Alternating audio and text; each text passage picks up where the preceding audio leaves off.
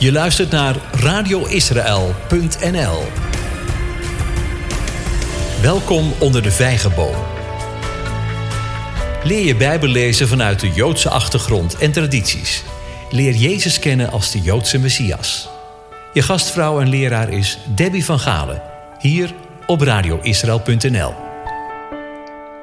Shalom, fijn dat je luistert naar weer een nieuwe verdiepende Bijbelstudie bij radioisrael.nl. Vandaag in deze podcast gaan we het hebben over Rosh Hashanah dat eraan zit te komen. Ik hoop dat het je tot uh, dat het je nieuwe inzichten en kennis zal brengen en dat het je tot zegen zal zijn in je relatie met Jezus. Weet je nog hoe we in Nederland ons uh, enige tijd al uh, afvroegen wanneer koningin Beatrix zou gaan aftreden, omdat er wel al signalen waren? Ik heb het even opgezocht wanneer men zich dat voor het eerst begon te, af te vragen. Dat was in 2008. Er werd sindsdien steeds vaker gespeculeerd. Uiteindelijk duurde het vijf jaar voordat de aankondiging daadwerkelijk kwam. Iedereen had het inmiddels al wel zien aankomen, alhoewel niemand vooraf kon zeggen op welke dag of op welk uur die zou komen, maar het werd sinds die tijd ieder jaar verwacht. Gezien de patronen van het verleden werd ook gespeculeerd dat zij dat misschien op Koninginnedag bekend zou maken. Zelfs haar zoon, de kroonprins, gaf in een interview te kennen niet te weten op welke dag zijn moeder het bekend zou maken. Een paar dagen voor haar 75ste verjaardag maakte zij het zelf bekend tijdens een tv-toespraak en dat zij op Koninginnedag zou aftreden van dat jaar en dat haar zoon dus het koningschap zou overnemen. De reden dat we nu met deze studie komen is omdat we inmiddels ook hele duidelijke signalen zien van de komst van onze koning Jezus, Melech Hamlachim Yeshua. We horen de steeds luider wordende roep in de hele wereld om wakker te worden. Dat is echt gewoon iets heel aparts om dat mee te maken nu. Zij het onder de ongelovigen, die roepen wakker te worden vanwege aanstormend gevaar dat de wereld als een tweede tsunami lijkt te gaan treffen. Of onder de gelovigen die vanwege de tekenen van deze tijd de roep van de shofar in hun geest hebben gehoord en wakker zijn geworden om te bidden voor vergeving, genade en anderen op te roepen om wakker te worden en ook te bidden en zich klaar te gaan maken om voor de koning der koningen te, te verschijnen. Wij die de koning der koningen verwachten, voelen en ervaren deze urgentie in onze geest. Word wakker. Ontwaak, bekeer je en sta op. Oh, en uh, sorry, sta klaar.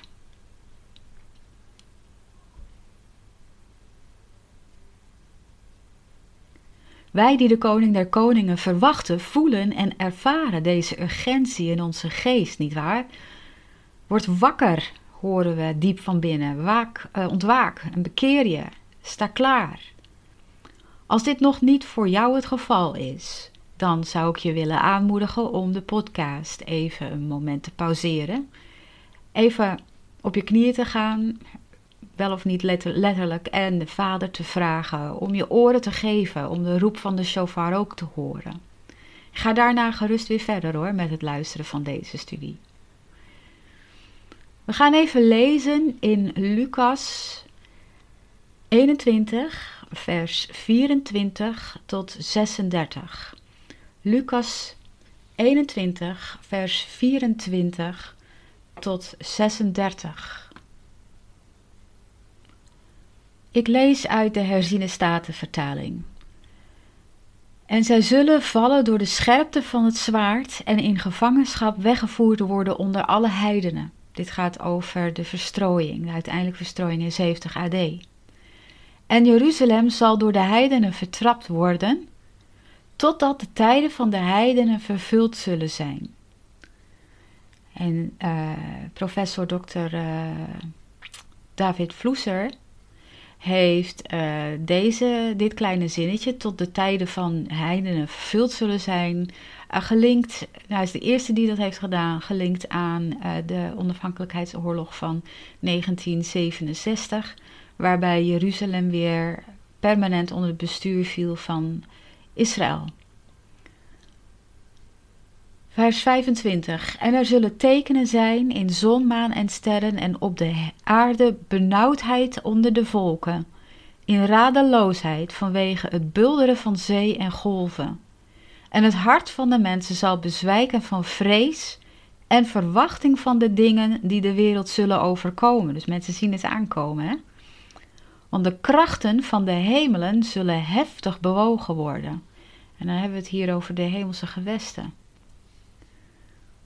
En dan zullen zij de zoon des mensen zien komen in een wolk met grote kracht en heerlijkheid. Dan begint Jezus weer eigenlijk toe te lichten in vers 28, wanneer nu deze dingen beginnen te geschieden. Kijk dan omhoog en hef uw hoofd op, omdat uw verlossing, Yeshua, nabij is. En hij sprak tot hen in een gelijkenis. Kijk naar de vijgenboom en naar alle bomen. Zodra ze uitlopen en u dat ziet, weet u uit uzelf dat de zomer al nabij is. Je hebt dus voortekenen. Zo ook u, wanneer u deze dingen zult zien geschieden. Weet dan dat het koninkrijk van God nabij is. Voorwaar, ik zeg u dat dit geslacht, en dat is het geslacht dat de vijgenboom ziet uitlopen, dit geslacht zal zeker niet voorbij gaan totdat alles geschied is. De hemel en de aarde zullen voorbij gaan, maar mijn woorden zullen beslist niet voorbij gaan. Dat is een parallelisme aan vers 27. Wees op uw hoede, 34, vers 34. Wees op uw hoede, dat uw hart niet op enig moment bezwaard wordt door roes en dronkenschap en door zorgen over de alledaagse dingen, en dat die dag u niet onverwachts overkomt. Want als een strik zal hij die dag komen over allen die op het hele aardoppervlak wonen. Waak dan ten alle tijden en bid dat u waardig geacht zult worden om al die dingen die gebeuren zullen te ontvluchten en om te, te kunnen bestaan voor de zoon des mensen. Hoe en wanneer kunnen we klaarstaan? Vraag je je misschien af. Laten we even lezen in Filippenzen 4, vers 6 tot 9. Filippenzen 4, vers 6 tot 9. Jezus zei al: niet bezorgd te zijn. Wees in geen ding bezorgd, maar laat uw verlangens in alles door bidden en smeken met dankzegging bekend worden bij God. En de vrede van God, die alle begrip te boven gaat, zal uw harten en uw gedachten bewaken in Christus Jezus. Dat hebben we heel hard nodig hè, tegenwoordig. Verder, broeders en zusters, al wat waar is, al wat eerbaar is, al wat rechtvaardig is, al wat rein is, al wat lieflijk is, al wat welluidend is. Als er enige deugd is en als er iets prijzenswaardigs is, bedenk dat. Wat u ook geleerd en ontvangen en gehoord en in mij gezien hebt, doe dat. En de God van de vrede zal met u zijn. Dus laten we vooral met dankzegging en eigenlijk alles opzoeken wat goed is in deze tijd waar de angst regeert, op, welke, op zoveel verschillende manieren dan ook. Laten we terugkeren naar het liefhebben van onze naasten volgens Gods geboden. Want zo laten we ook ons licht schijnen in deze tijd en tonen we onze liefde voor God. Heeft het vieren van de Bijbelse feesten nut voor christenen? We gaan het over Rosh Hashanah hebben. Maar waarom zouden we ons daar überhaupt mee bezighouden? Nou, het is een opdracht. En het uh, functioneert ook als een oefening. Rosh Hashanah de, heet uh, officieel Yom Teruah. In uh, Leviticus 23 en 29 uh, lezen we dit. Yom Teruah, dat heet in het Nederlands dag van bazuingeschal. Dat refereert aan het geluid van de shofar. We gaan eventjes naar Leviticus 23 en beginnen vanaf vers 24. Leviticus 23, vers 24 en iets verder. Spreek tot de Israëlieten en zeg in de zevende maand, dus vanaf Nisan, op de eerste dag van de maand, moet u een rustdag houden, een gedenkdag, aangekondigd door bazuingeschal. Bazuin staat bij mij schuin gedrukt. Een heilige samenkomst. U mag geen enkel dienstwerk doen en u moet de Heere een vuuroffer aanbieden. Dan staat er in uh, 26 en 27 enzovoorts. De Heere sprak tot Mozes. Alleen op de tiende dag van deze zevende maand is de verzoendag.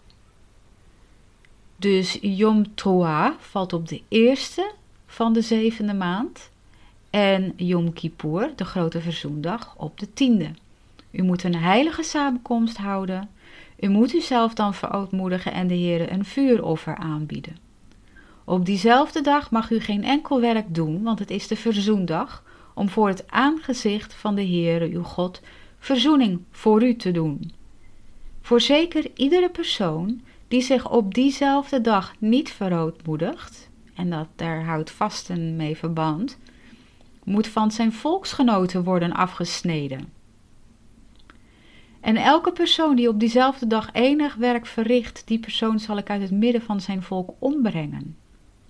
U mag geen enkel werk doen. Het is een eeuwige verordening, al uw generaties door, in al uw woongebieden. Uh, in vers 3, 32, iets uh, verderop, hè, er staat dat dus, dat Shabbat, s'avonds op de negende van de maand moet u uw Shabbat vieren vanaf de avond tot aan de volgende avond. Dus het vasten en het verootmoedigen op Yom Kippur is van avond naar avond, zonsondergang tot zonsondergang. Waarom lezen we dit erbij? Dat wordt zometeen wel duidelijk, denk ik.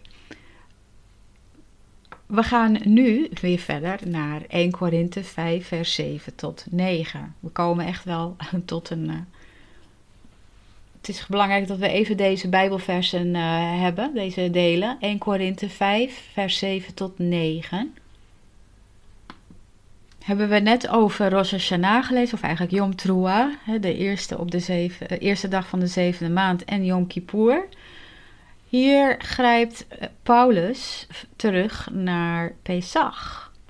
Verwijder dan het oude zuurdeeg, opdat u een nieuw deeg zult zijn. U bent immers ongezuurd, want ook ons paaslam is voor ons geslacht, Christus. Laten wij dus feest vieren, niet met oud zuurdeeg, ook niet met zuurdeeg van slechtheid en boosaardigheid, maar met ongezuurde broden van oprechtheid en waarheid. Nou, waarom lezen we dit?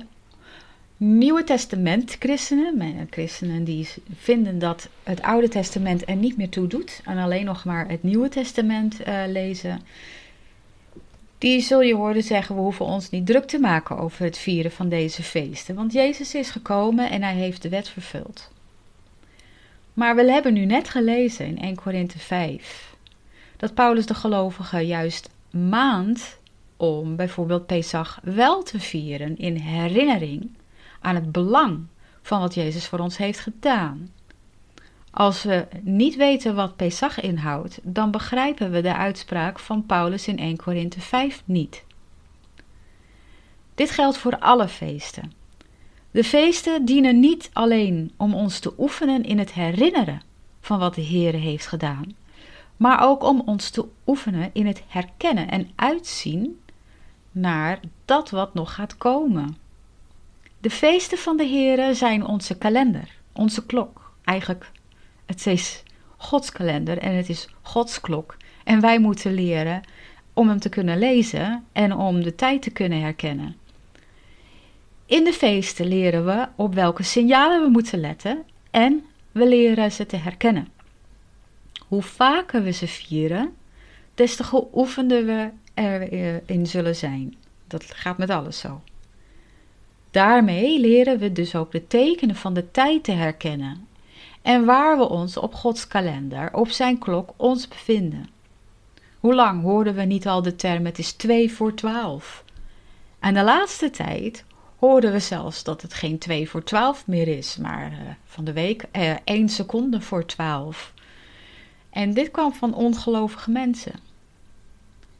Deze studie dient dan ook als wake-up call, als, als wekker, als de shofar, zoals de show, roep van de shofar. Waak dan te alle tijden en bid dat u waardig geacht zult worden om al die dingen die gebeuren zullen te ontvluchten en om te kunnen bestaan voor de zoon des mensen. We hebben net gelezen, hè? Lucas 21, vers 36 is dit. Lucas 21, vers 36. We willen niet dat ook maar iemand, inclusief wij zelf, te horen zal krijgen: ga weg, ik ken u niet. Dus het is echt, echt nodig dat wij ons deze aanmaning van Jezus ons heel erg ter harte nemen. Uh, dat we het ons aantrekken. Eén aspect van Pesach is nog niet vervuld, maar dat komt later. Dus dat oude zuurdezen waar Paulus het over had, het verwijst naar de zonde, naar wereldse gewoonten. Duidelijk hè?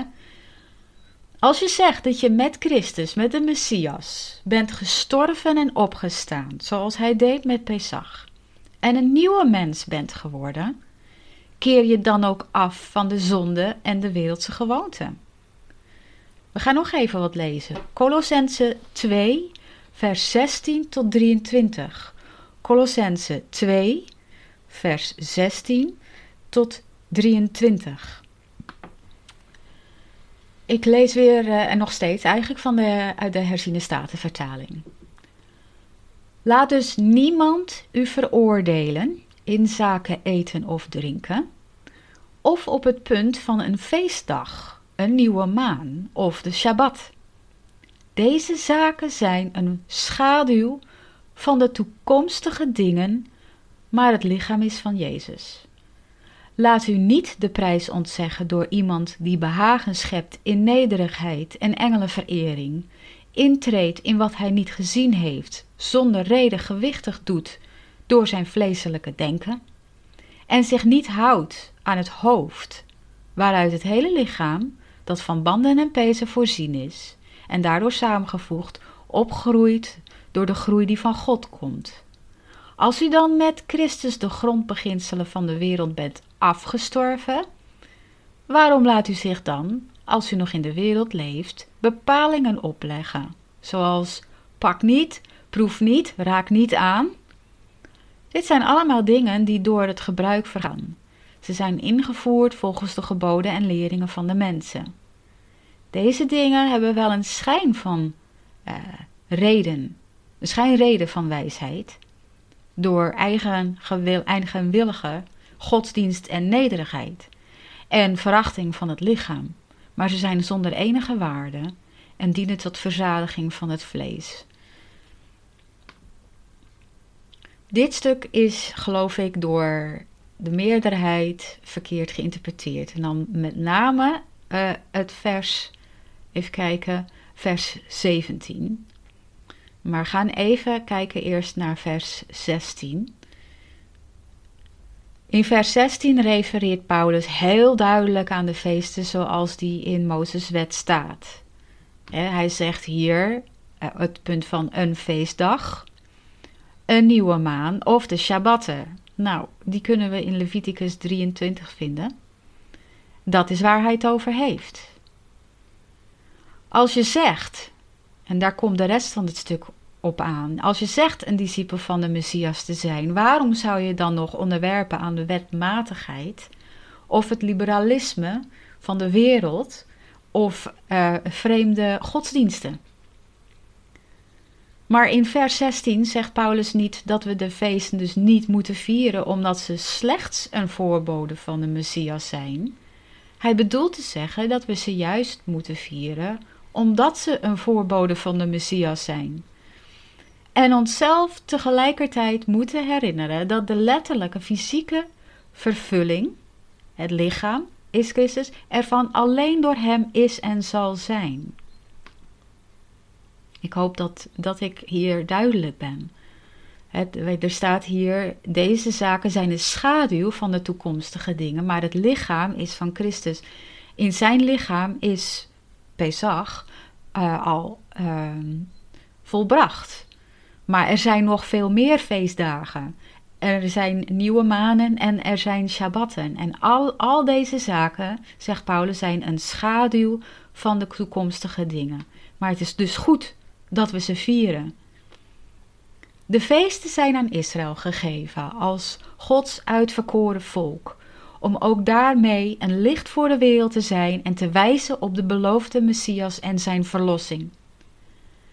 Echter, de religieuze elite in Judea, die wij, zoals wij lezen, de Joodse leiders zijn, wezen de boodschap van de Messias, van Yeshua, Jezus, af. Wat niet kon voorkomen dat deze boodschap toch aan de heidenen werd gepredikt. Dat weten we, we lezen we in Handelingen en een hele verhaal met Paulus.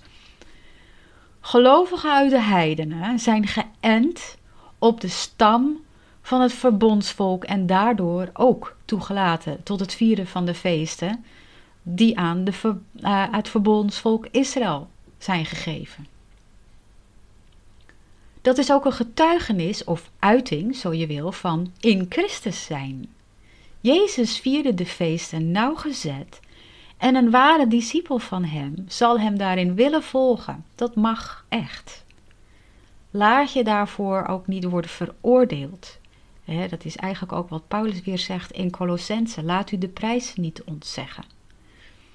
Doe daar niet maar mee en laat je daar eigenlijk ook niet door veroordelen in vers 16. Want ook dat toont aan dat je de oude mens hebt afgelegd en een nieuwe schepping in Jezus bent. Wees dus warm of koud. Sluit geen compromis met wereldse praktijken, met vreemde godsdiensten. Tegenwoordig zien we het boeddhisme, in het uh, christendom, zelfs in evangelische kringen uh, sluipen. Daar moeten we geen compromis mee maken. En we moeten geen compromis sluiten met zonde. Want het gevolg daarvan is lauwheid. En we weten wat Jezus daarover zegt in openbaring.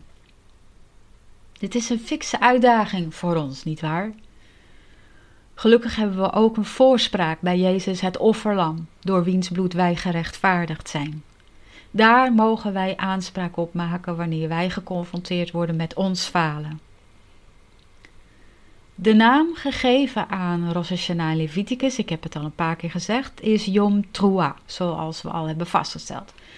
De term Rosh Hashanah komt slechts één keer in de Bijbel voor, namelijk in Ezekiel 40, vers 1. Ezekiel 40, vers 1, waar wordt gesproken over het begin van het jaar. Zo staat het er echt letterlijk. Dat wil zeggen dus de start van het civiele jaar. In contrast met het religieuze jaar, dat op de eerste dag van de maand Nisan in de lente begint. Dus in het Jodendom kennen we twee soorten kalenders. Trua is een onomatopee. En dat wil zeggen een woord dat fonetisch het geluid nabootst of suggereert van een dier of ding. Eh, we kennen dat bijvoorbeeld van de fut, een vogel, nou, wij hebben die vogel de naam Fut gegeven, want het geluid dat hij produceert is Fut. Trua verwijst naar het geluid dat de shofar produceert wanneer erop wordt geblazen. Klinkt niet bepaald als Fut. Trua wordt vertaald als bazuingeschal in het Nederlands, waarmee het blazen op de shofar wordt bedoeld. De shofar speelt die dag de hoofdrol. En eigenlijk al de hele maand er voorafgaand, de hele maand Elul, elke dag hoor je bij wijze van alarm uh, van je wekker, s ochtends in de vroegte, klinkt de shofar. Iedere dag van de maand Elul.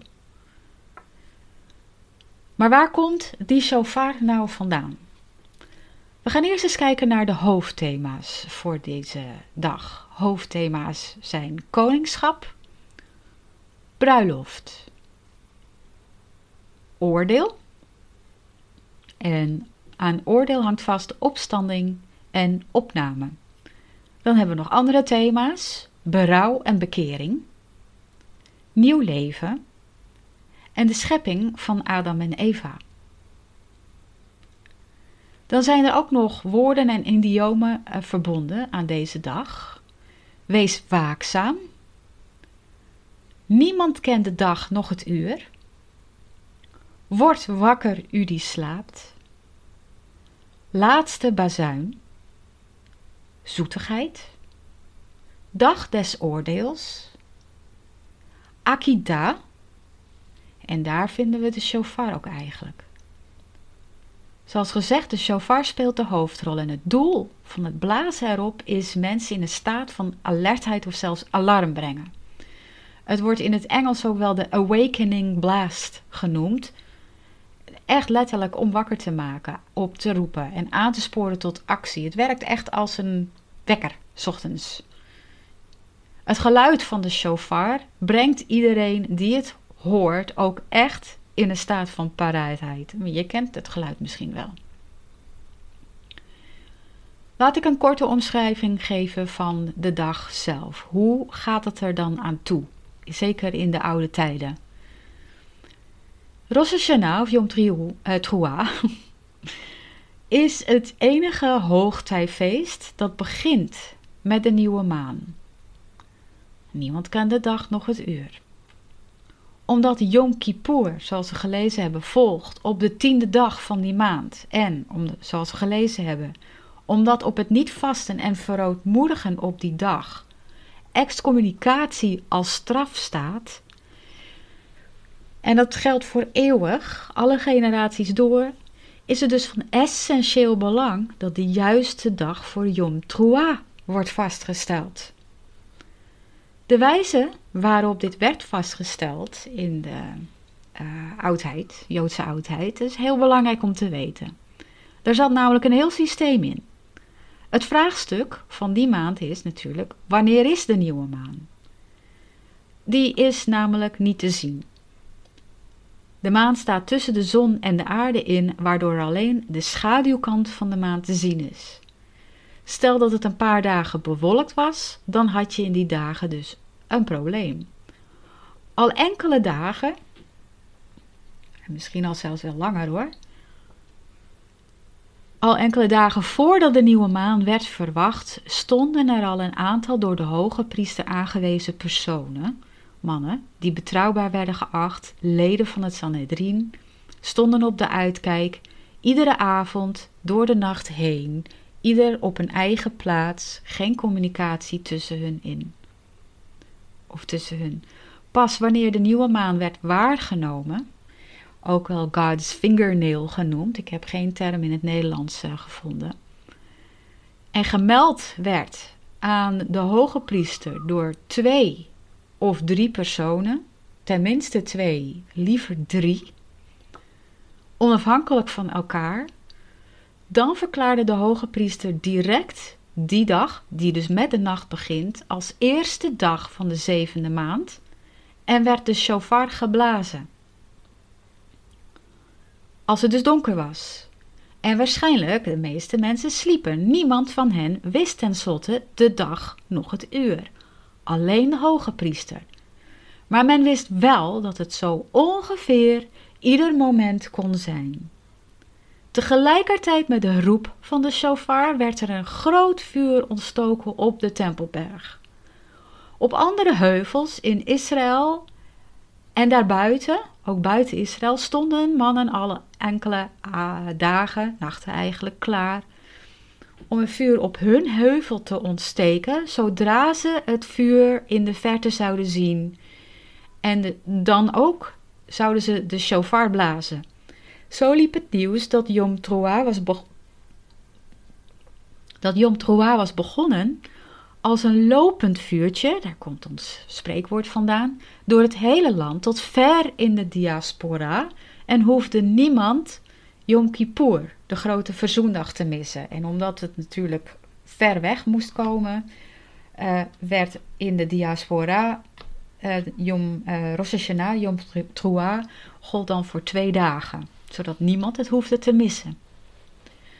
Rabbi Maimonides, hele beroemde, belangrijke rabbi, zei over het blazen van de shofar: U die slaapt, wordt wakker.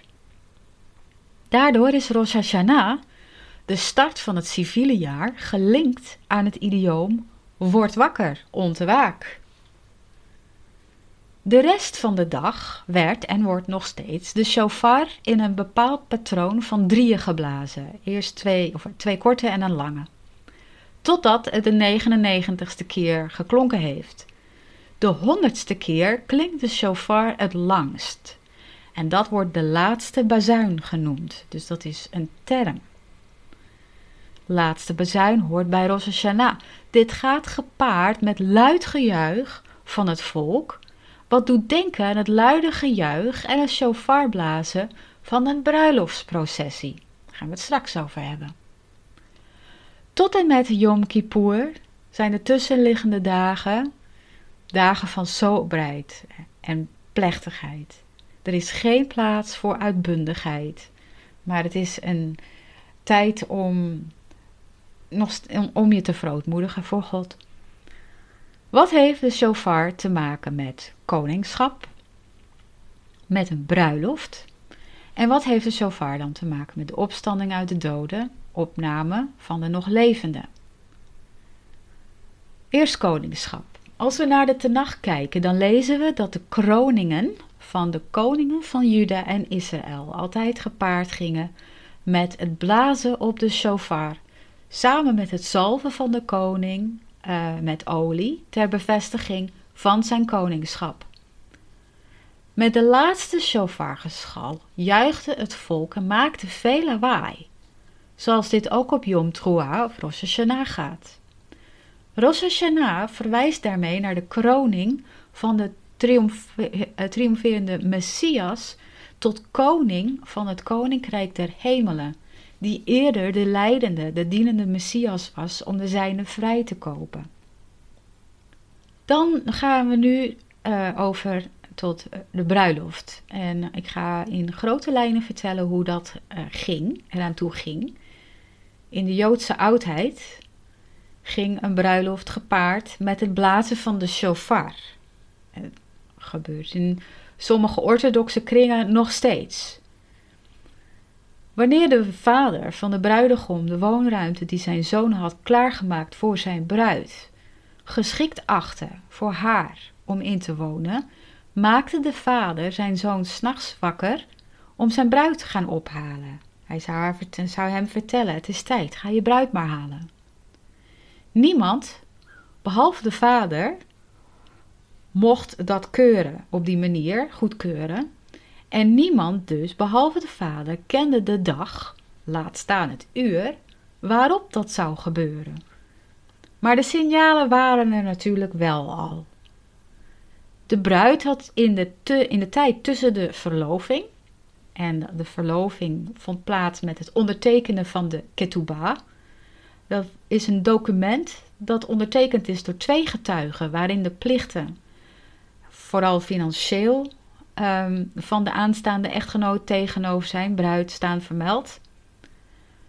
Uh, dat was dus de verloving. En de daadwerkelijke trouwdag had zij genoeg gelegenheid om haar uitzet bij elkaar te krijgen, zich bekend te maken met de gewoontes van haar bruidegom, haar bruidskleding en de sieraden die erbij hoorden op orde te krijgen en oefenen om dit zo snel mogelijk aan te kunnen doen. En uiteraard stond er ook altijd een kruikje met reserveolie klaar. Natuurlijk hield zij de bewegingen van de bruidegom in de gaten. Ze moest weten wanneer ze hem ongeveer zou kunnen verwachten. Dat kon een jaar duren. In die tijd, dat kon ook drie jaar duren, maar nooit langer dan dat. Het kon natuurlijk niet zo zijn dat het haar of haar omgeving zou overvallen wanneer hij zou komen, of wanneer het zou gaan gebeuren. Dus want dan zou ze slechte beurt maken, met mogelijk desastreuze gevolgen, namelijk het afblazen van de bruiloft. Dat kwam natuurlijk nooit voor. De hele omgeving hield trouwens de vorderingen van de bruidegom in de gaten. De bruidegom zelf kon ook wel aan zijn klompen aanvoelen wanneer het moment zou kunnen aanbreken dat zijn vader groen licht gaf. Net als zijn vrienden overigens. Op een gegeven moment is de woning toch echt af, tenslotte. Er werd rijkhalsend naar het grote moment uitgekeken. Natuurlijk.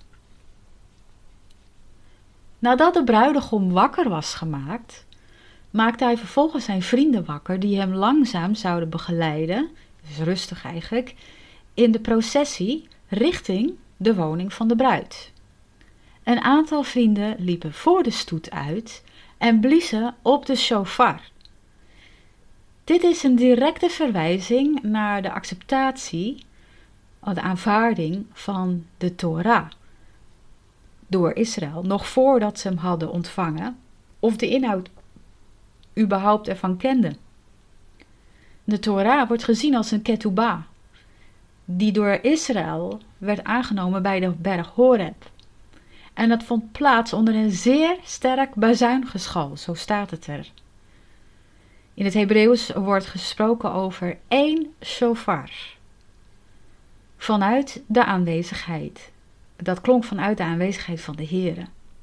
Dus vanuit de wolk. Mozes begeleidde het volk, de bruid, daarna uit het kamp. Ze was helemaal klaar. Ze had zich gereinigd enzovoort. Mozes begeleidde haar uit het kamp, haar woning, en bracht haar tot aan de voet van de berg. Dus niet helemaal de, de, de wolk in, dat kon niet. Dit was het moment dat het volk daadwerkelijk de bruid van de Here werd. Eerder was ze verheven tot de status van bruid in de, tijdens de verloving. Die behield zij ook. Maar echt de bruid zijn, dat was dat moment. En dit kunnen we allemaal lezen in Exodus 19. Exodus 19. Terug naar de processie van de bruidegom. Andere vrienden juichten en riepen luid om de bruidegom aan te kondigen. En tegelijkertijd liep de bruidegom onder een draagbare goepa. Dat, was, uh, dat bestond uit een talit, een uh, gebedsmantel, Joodse gebedsmantel. En die werd op vier hoeken bevestigd aan hoge, of, uh, ja, lange stokken. En die stokken werden omhoog gehouden. En zo wandelde de bruidegom onder een draagbare groepa met vier vrienden of mannen om hem heen. Op het moment dat het geschal het gehoor van de bruid en haar vriendinnen bereikte, kleden zij haar snel aan en zichzelf uiteraard en namen de al brandende lampjes mee. Ieder huis, ieder bewoond huis had al, nou dat was een eeuwenlang gebruik, had altijd standaard s'nachts een lampje branden ten teken dat het huis bewoond was. En dan ook nog natuurlijk de reservekruidjes moesten mee.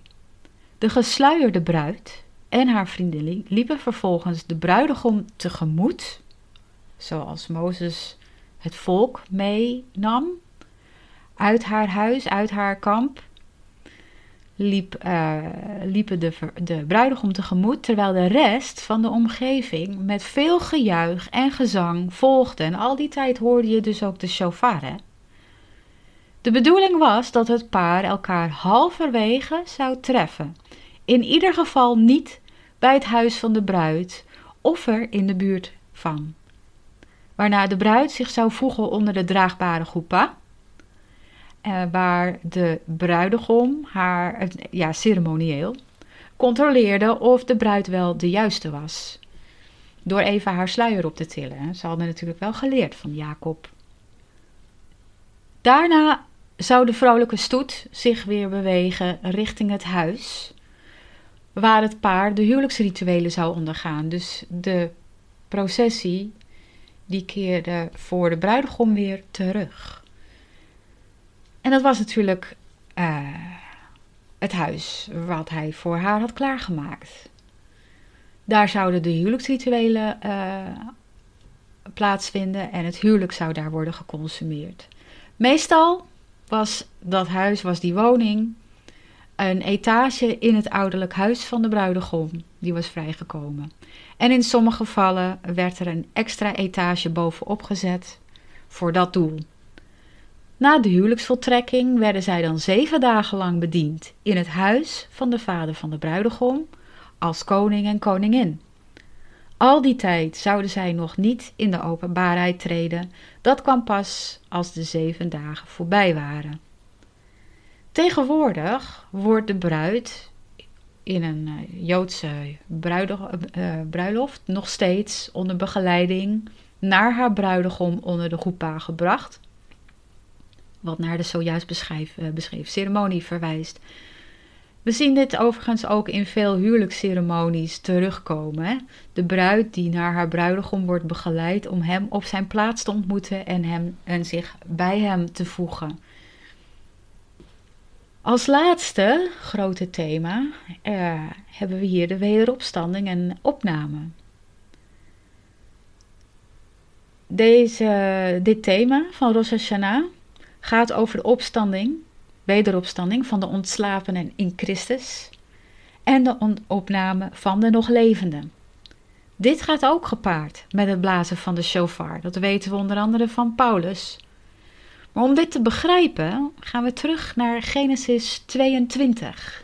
Genesis 22, de Akida. We gaan hem niet lezen, daar is het te lang voor. Ik zal even samenvatten.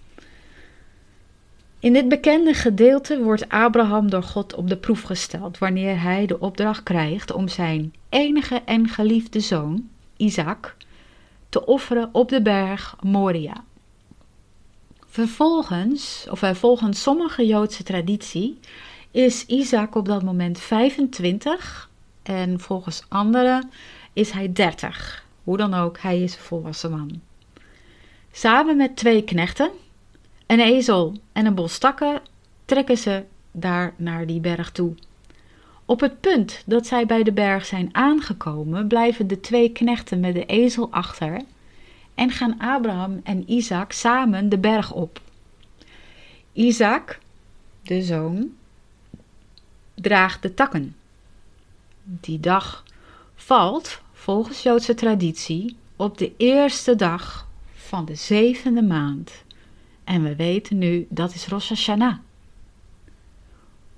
Yom Teruah. Bovenop de berg bouwt Abraham, nog steeds hopend op een wonderlam, het altaar. Legt het hout erop, bindt Isaac, die zich daar gewillig aan overgeeft, en legt hem bovenop het hout. De binding van Isaac wordt de Akida genoemd. Akida. Vervolgens strekt Abraham zijn arm uit en grijpt het mes om Isaac te doden. En dan staat er: Maar de engel van de Heere riep tot hem vanuit de hemel en zei: Abraham, Abraham. Hij zei: Hier ben ik. Toen zei hij: Steek uw hand niet uit naar de jongen en doe hem niets, want nu weet ik dat u Godvrezend bent en uw zoon, uw enige, mij niet onthouden hebt. Toen sloeg Abraham zijn ogen op en keek om, en zie, achter hem zat een ram met zijn horens verstrikt in het struikgewas. Abraham ging erheen, nam die ram en offerde hem als brandoffer in de plaats van zijn zoon. Genesis 22, vers 11 tot 13. Genesis 22, vers 11 tot 13. Uit de tekst is duidelijk op te maken dat het de Heere zelf is die tot Abraham spreekt en zijn barmhartigheid en zegen over hem en Isaac uitstort. Als we dan naar Hebreeën 11 gaan, Hebreeën 11, dan lezen we over de Akida en dan zien we iets opmerkelijks. In vers 17, Hebreeën 11, vers 17, daar staat: Door het geloof heeft Abraham toen hij door God op de proef gesteld werd, Isaac geofferd. Abraham heeft Isaac geofferd. En hij, die de belofte ontvangen had, heeft zijn enige geborene geofferd. Tot twee keer toe zegt Paulus in één adem dat Isaac geofferd is door Abraham. Vervolgens zegt uh, Paulus in Hebreeën 11 vers 18 tegen hem was gezegd dat van Isaac zal uw nageslacht genoemd worden. Hij, Abraham, overlegde bij zichzelf dat God bij machten was hem zelfs uit de doden op te wekken. Hier zien we de eerste keer, bovendien de eerste in Genesis, nota bene, het geloof in de opstanding uit de dood uitgedrukt. Het grote heikele punt tussen de Fariseeën en de Sadduceeën, en waarover Jezus ook erg duidelijk was, is terug te voeren naar Genesis 22, naar de Akida. Maar hoe komt Paulus er dan bij om te zeggen dat Isaac blijkbaar wel stierf op het altaar? Dat heb ik voor je opgezocht. In de Pirkei Avot, Rabbi Eliezer hoofdstuk 30, stelt ene Rabbi Jehuda dat op het moment dat het lemet van Abrahams mes de huid van Isaacs nek raakte, de ziel van Isaac zijn lichaam al verliet en wegging van hem. Maar op het moment erop, volgend, toen de Heere riep: Steek uw hand niet uit naar de jongen, keerde Isaacs ziel weer terug in zijn lichaam. Abraham maakte hem vervolgens los en Isaac kwam van het altaar af. Zo wist ook Isaac dat op deze manier in de toekomst de doden ook zouden worden opgewekt. Deze lezing is in de, oude, in de Joodse traditie al een oude. Maar in Hebreeën 11 vers 19 zegt Paulus weer dat Isaac niet daadwerkelijk stierf en weer tot leven werd gewekt, maar dat dit bij wijze van spreken plaatsvond. Dus wat is het nou? Stierf Isaac nou wel of niet? Dit is mijn uh, gedachte erover. Ik denk dat het mogelijk is dat Paulus hier wijst op de hartsgesteldheid van zowel Abraham als Isaac. Zij beiden waren zover dat zij Isaac al als geofferd en gestorven beschouwden op het moment dat hij daar op het altaar lag. Wellicht dat Isaac flauw was gevallen op het moment dat hij zijn vaders hand zich zag uitstrekken naar het mes en daardoor zelfs als voor dood op het altaar lag.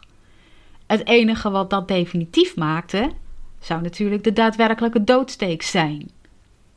Omdat dit ter nauwe nood werd veroorzaakt, of eh, voorkomen, sorry, werd Isaac bij wijze van spreken aan Abraham levend uit de dood teruggegeven. In het hele proces hield Abraham nou namelijk vertrouwen, geloof dat God bij machten is Isaac zelfs uit de doden op te wekken. Van daaruit vloeit de verwijzing en de leer van de wederopstanding. In Isaacs plaats werd het ram geofferd. Een ram dat met zijn horens vast zat in de struiken en die Abraham had voorzegd als vervanging voor zijn zoonsoffer. De horens werden daarmee symbool voor zowel het vervangend offer niet alleen het ram, maar de horens ook. Gods trouw aan zijn verbond met Abraham, als de wederopstanding uit de doden. Iedere keer dat de shofar, de ramshoren, geblazen wordt, worden we daar dan ook weer aan herinnerd. Deze geschiedenis is, zoals we wel weten, een profetische gebeurtenis. En ook een belofte die naar de leidende Messias verwijst. Niet alleen door het dragen van het hout naar zijn offerplaats toe, het gebonden worden eh, eraan, op het hout gelegd worden voor de definitieve handeling, maar ook de wederopstanding en daarmee het ontvangen van een onvergankelijk lichaam. Hierom zei ik aan het begin van deze podcast dat Pesach bijna vervuld is. De wederopstanding uit de doden en het ontvangen van het onvergankelijke lichaam dat moet nog gebeuren. Dit zal op Rosh Hashanah moeten plaats gaan vinden. Ten slotte is Jezus de eersteling in zijn opstanding in een onvergankelijk lichaam.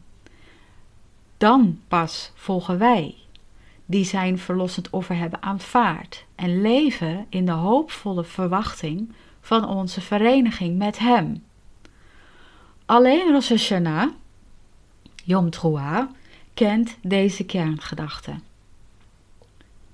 Volgens de Talmud in traktaat Rosh Hashanah 16b zal de wederopstanding van de doden die in de hoop van de Messias zijn gestorven ooit plaatsvinden op Rosh Hashanah, precies vanwege de Akida. Dit maakt het des te interessanter om Paulus' woorden te lezen in 1 Korinthe 15, vers 52. 1 Korinthe 15, vers 52, waarin hij duidelijk zegt dat opstanding van de doden zal plaatsvinden bij het schallen van de laatste bazuin.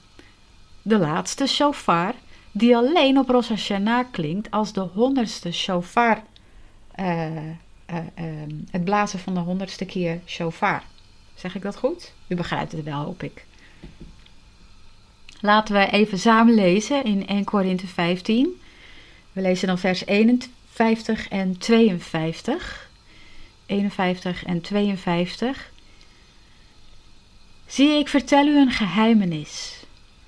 Wij zullen wel niet allen ontslapen, maar wij zullen allen veranderd worden in een ondeelbaar ogenblik, in een oogwenk, bij de laatste bazuin.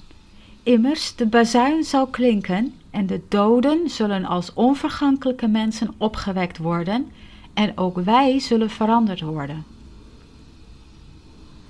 Het wordt hieruit ook heel duidelijk dat er nog een andere gebeurtenis tegelijkertijd zal plaatsvinden.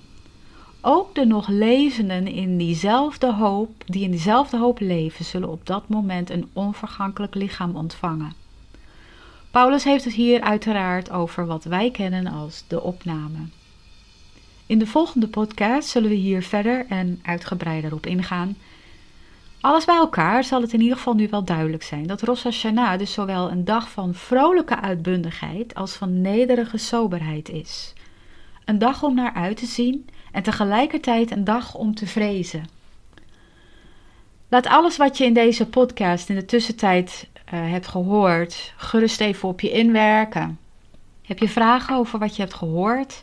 Laat ze dan uh, alsjeblieft op de website achter. Ik zal proberen die in de volgende podcast te integreren. Dit is de tijd nu om te reflecteren, naar binnen te keren en God te vragen wat er in je leven, in je hart en gedachten en in je handelen nog moet gebeuren om, zoals Jezus het zegt in Lucas 21, vers 36, waardig geacht zullen worden. Om al deze dingen die zullen gebeuren te ontvluchten en om te kunnen bestaan voor de Zoon des Mensen. Ik wens je een vruchtbare en heilzame tijd in deze periode met Hem toe. Mijn naam is Debbie van Galen. Je hebt geluisterd naar het Bijbelstudieprogramma Onder de Vijgenboom hier op radioisrael.nl. Ik wens je God zegen en vrede toe voor jou en eh, de mensen waar je van houdt. En lied groot. Tot de volgende keer.